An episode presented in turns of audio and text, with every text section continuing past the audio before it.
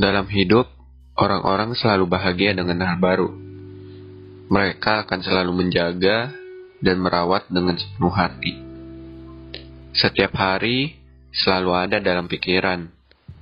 Saat berjarak sekalipun, rasa khawatir tertanam dalam hati begitu kuat.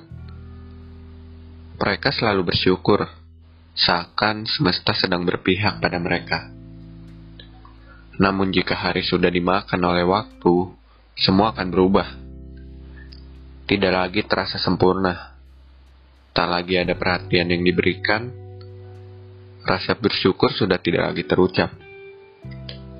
Akan ada hal baru yang mampu menggantikan. Dan yang lama akan segera dilupakan. Akan segera dijauhkan.